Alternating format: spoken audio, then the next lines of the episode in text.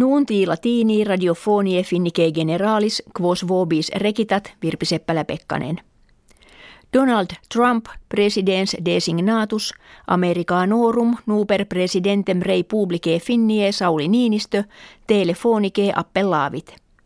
Argumenta colloquii erant relationes finnie et USA, Russia, atque consilium arcticum, cuius presidatus ab Americanis primo vere finnis transferetur. Denique Trump finnos laudavit dicens eos esse populum magnificum. Primus minister Russie, Dmitri Medvedev, et Juha Sipilä, primus minister Finnie, in urbe uloa, die veneris convenerunt. Colloque bantur de commercio aliisque rebus economicis atque de mutuis relationibus. Tractabatur inter alia gasiductus Nord Stream duo, quem russi ex Russia in Germaniam duce revolunt.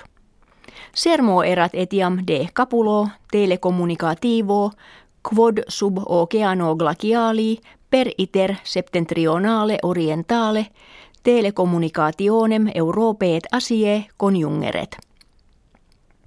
In colloquio utrique primo ministro placuit, ut Finnia domum Petropoli sitam emeret, in qua institutum Finnie Petropolitanum et schola Finnica sedem habent.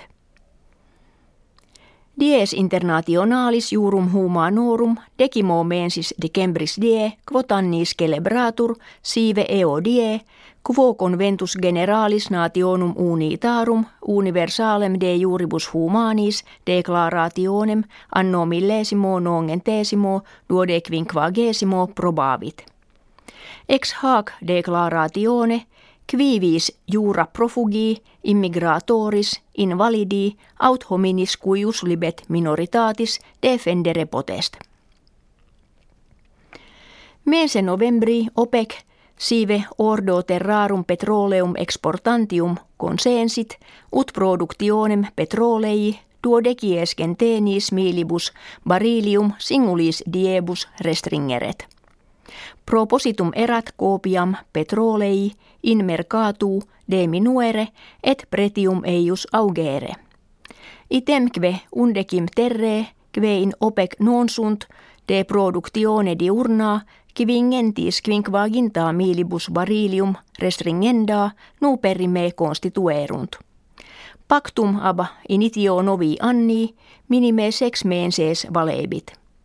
Quo factum est ut pretium petrolei in mercatu mundano statim circiter quindecim centesimis auctum est. Haak septimana pretium petrolei maris germanici pro barili est plus quinquaginta sex dollara cum mense januario duode triginta fuerit. Saara Aalto, cantatrix finlandiensis, incertamine ex factor televisionis britannicae secundum locum obtinuit. Alter incertamen finale admissus fuit matteri Britannus qui suffragio Britannorum palmam reportavit, cum in ultimo suffragio duode quinquaginta centesimas sententiarum accepit, Saara Aalto quadragintaa. In televisione finnica quam tre deciesken teena hominum milia, kertaamen finale spectavisse estimantur, quicvidem jus suffragii non habebant. In Britannia spectatores quinque miliones et dimidium fuisse dicuntur. Kertaamine finito, Saara Aalto, competitori Matteri, gratula batur, et se exitu contentam esse affirmaavit. Nuuntis latinis ita recitatis, gratias auscultatoribus agimus, et ferias jucundas exoptamus.